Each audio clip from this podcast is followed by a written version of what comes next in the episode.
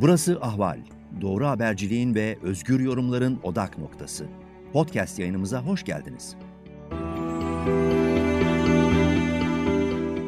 Ankara'dan merhaba sevgili dinleyiciler. Ben Zülfikar Doğan. Türkiye gündemini değerlendirmek üzere bir yayında daha karşınızdayım. Cumhuriyet Halk Partisi Genel Başkanı Kemal Kılıçdaroğlu'nun CHP Meclis Grubu'nda gündeme getirdiği bir kaçış planının anatomisi iddiası siyasi gündemi oldukça hareketlendirdi diyebiliriz. Kılıçdaroğlu aynı zamanda grup konuşmasının hemen arkasından aynı gün gece saat 22'de bir video paylaşacağını, belgeleri gündeme getireceğini söyledi. Video şu ana kadar e, milyonlarca kez izlendi ancak CHP liderinin gündeme getirdiği belgeler ve bilgiler Türkiye'de Cumhurbaşkanı Erdoğan'ın oğlu Bilal Erdoğan tarafından kurulan Türkiye Gençlik Vakfı ile Ensar Vakfı'nın ortaklaşa Amerika Birleşik Devletleri'nde kurdukları Türken Foundation, Türken Vakfı ile ilgili belgelerdi.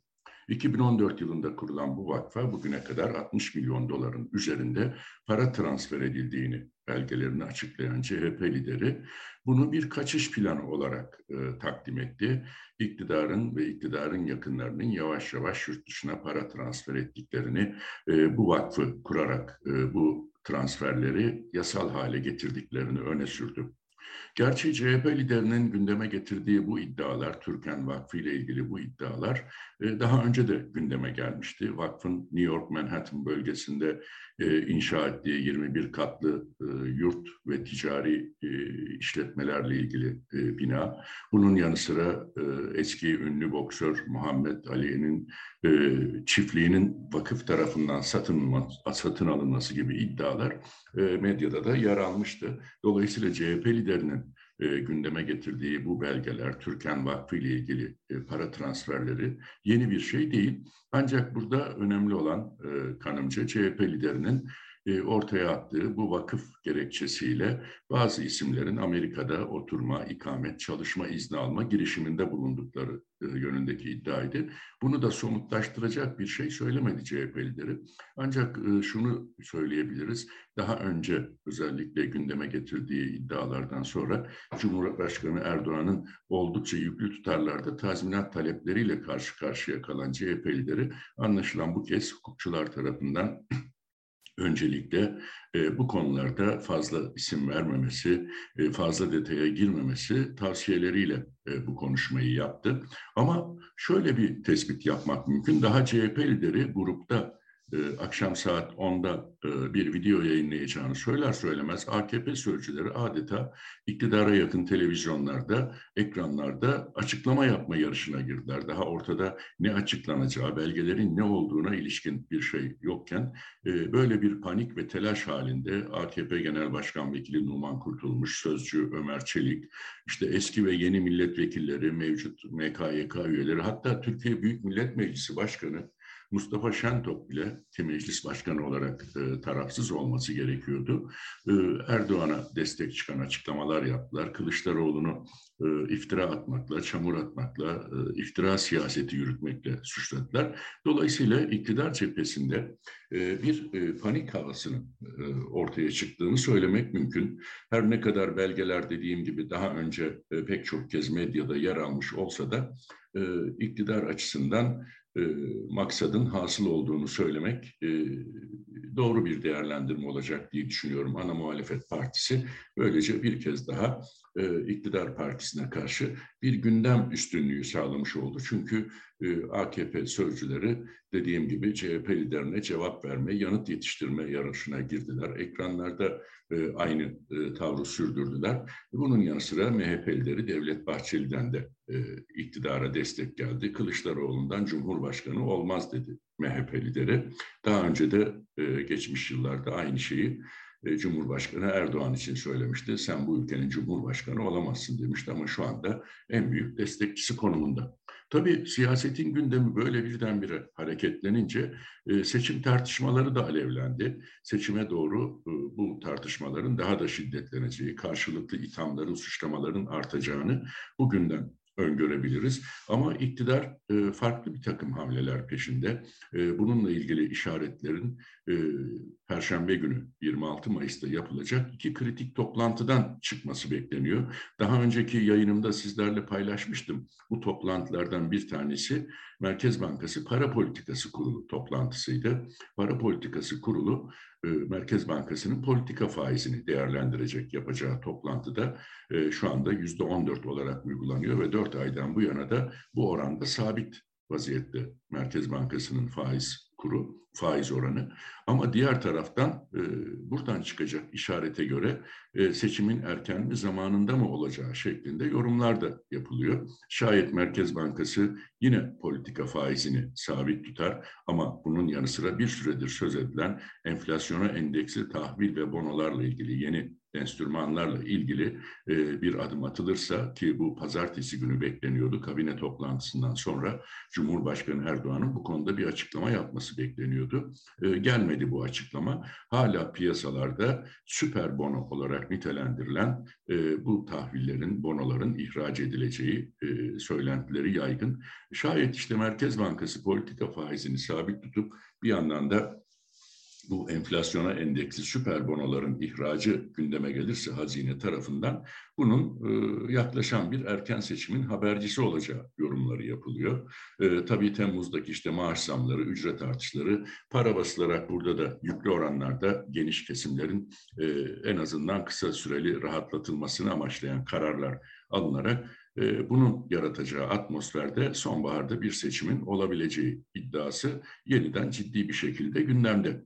Tabii e, bir başka kritik toplantı asıl Milli Güvenlik Kurulu'nun Cumhurbaşkanı Erdoğan başkanlığında yapacağı toplantı. Buradan çıkacak tavsiye kararları da seçimin ve siyasetin yönünü belirleme açısından bir işaret niteliğinde olacak. Çünkü Cumhurbaşkanı Erdoğan hafta başında kabine toplantısı sonrasında Suriye'nin kuzeyine yeni bir operasyon planlandığını, bu konuda hazırlıkların yapıldığını, askeri ve istihbarat e, yönündeki hazırlıkların tamamlanmasından sonra bu harekatın başlatılacağını açıkladı. Daha önce 2019 yılında Ekim ayında e, Barış Pınarı adı altında Suriye'nin kuzeyine bir harekat gerçekleştirmişti Türkiye. Bu harekatın amacı e, PKK, PYD, YPG'nin oluşturduğu Suriye demokratik güçlerini geriletmek, daha güneye itmek ve Suriye sınırı boyunca 30 kilometre derinliğinde 400 kilometreyi aşan e, uzunlukta bir güvenli tampon bölge oluşturmaktı. Ancak harekat başladıktan hemen sonra Amerika ve Rusya devreye girdi. Her iki tarafta Türkiye'ye baskı uyguladı ve 14 e, kilometrede harekat durdu. 17 Ekim'de. Hatta o dönemin Amerika Birleşik Devletleri Başkan Yardımcısı Mike Pence bilhassa Ankara'ya geldi. Cumhurbaşkanı Erdoğan'la görüştü ve 17 Ekim mutabakatı adı altında bir mutabakat imzalandı. Burada da işte Suriye Demokratik Güçleri silahsızlandırılacak, ağır silahlardan arındırılacaktı. Güneye doğru 30 kilometre e, inecekti. Ancak bugüne kadar bunlar gerçekleşmedi. Şimdi işte tam NATO ile Finlandiya ve İsveç'in üyeliği konusunda veto hakkı pazarlığı yaparken iktidar bir yandan da Suriye konusunu gündeme getirdi. Burada tabii şöyle bir amaç öngörülebilir. E, Rusya Ukrayna ile meşgul. Amerika Birleşik Devletleri Rusya'yı Ukrayna'da daha zor duruma düşürmekle meşgul. Her iki e, dev ülkede Ukrayna savaşına yoğunlaşmış vaziyette. Ancak Suriye'de de varlıkları mevcut. Dolayısıyla Türkiye belki iktidar e, bu boşluğu onların Ukrayna'ya yoğunlaşmış olmasını değerlendirerek, bunu bir fırsat olarak görerek bu harekatı gündemine almış olabilir. E, bir başka boyut ise e, Suriye'de e, gerçekleştirileceğini Cumhurbaşkanı Erdoğan'ın ilan ettiği bu harekatla e, İsveç, Finlandiya konusunda NATO'da yürütülen pazarlıklarda Türkiye'nin elini güçlendirmek istiyor olabilir iktidar.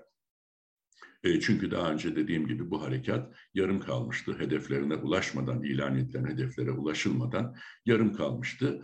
E, üç yıldan bu yana da o bölgede e, özellikle e, SDG'nin etkinliği, işte kendi özel yönetimini oluşturma çabaları Amerika Birleşik Devletleri tarafından gerek silah yönünden gerekse finansal yönden destekleniyor. Hatta e, geçen günlerde e, Fas'ın Marrakeş kentinde Suriye konulu bir toplantı, bir konferans düzenlendi. Burada da Amerika Birleşik Devletleri temsilcisi Suriye'nin kuzeyine PYD ve hatta kısmen Türk Silahlı Kuvvetleri'nin kontrolündeki bölgelere e, yapılacak yatırımların e, Biden yönetiminin Suriye'ye uyguladığı Sezar yaptırımlarından muaf tutulacağını, böyle bir karar almayı planladıklarını dile getirmişti. E, Cumhurbaşkanı Erdoğan da bu karara tepki göstermişti. Ee, özellikle işte Kürtlerin e, kontrolündeki bölgelerde Amerika'nın yaptırım muafiyeti getirmesini e, Türkiye açısından yine bir terör tehdidi olarak değerlendirmişti. Terör örgütlerine destek olarak değerlendirmişti Cumhurbaşkanı Erdoğan. İşte bütün bunlar e, zamanlama olarak birbiriyle çakıştı. Bir yandan NATO ile yürütülen pazarlık, diğer yandan e, işte Suriye'nin kuzeyine harekat e, planlandığını duyurulması.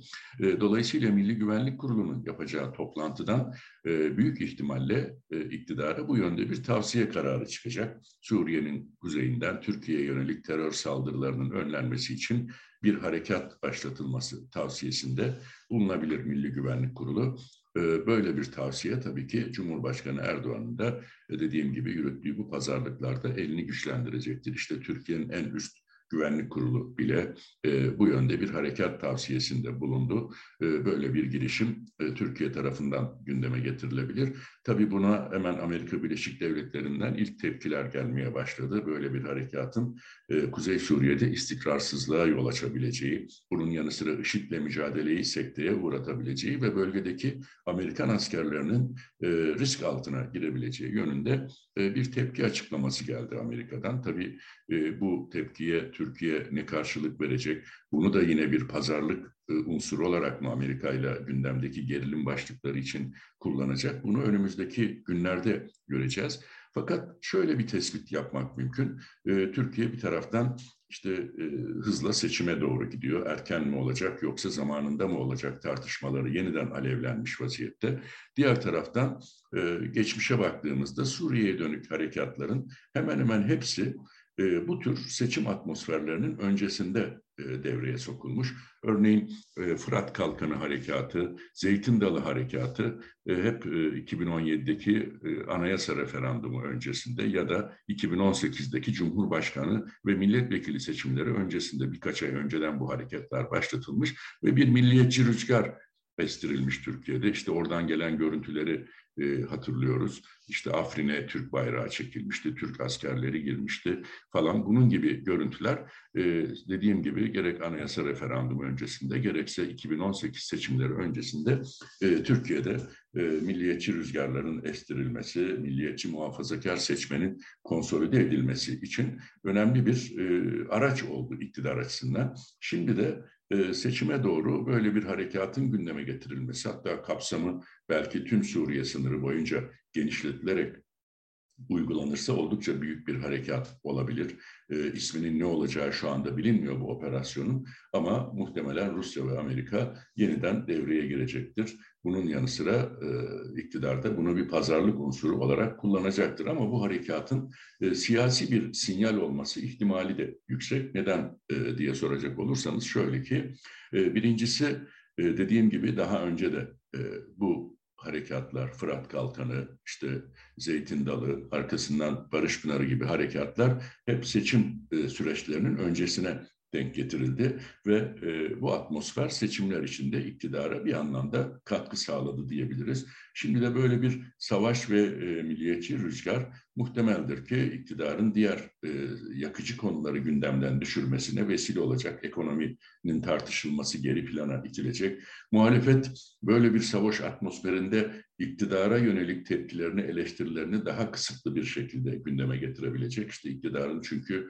gerekçesi var. Ülke savaşta siz neylerle uğraşıyorsunuz diye muhalefete tepki gösterebilir ve muhalefet e, bu konuda baskı altına alınabilir. Şayet böyle bir savaş atmosferi oluşacak milliyetçi dalgayı Erdoğan ve Bahçeli kendileri için olumlu görürlerse tıpkı para politikası kurulunun alacağı karar ihtimallerinde olduğu gibi Milli Güvenlik Kurulu'nun tavsiye kararı sonrasında da e, Suriye'ye yönelik bir operasyonun ortaya çıkartacağı rüzgarlar ve yine bir erken seçim için e, iktidarın e, katkı sağlayacağı unsurlardan birisi olabilir. Ama asıl bir başka boyut daha var.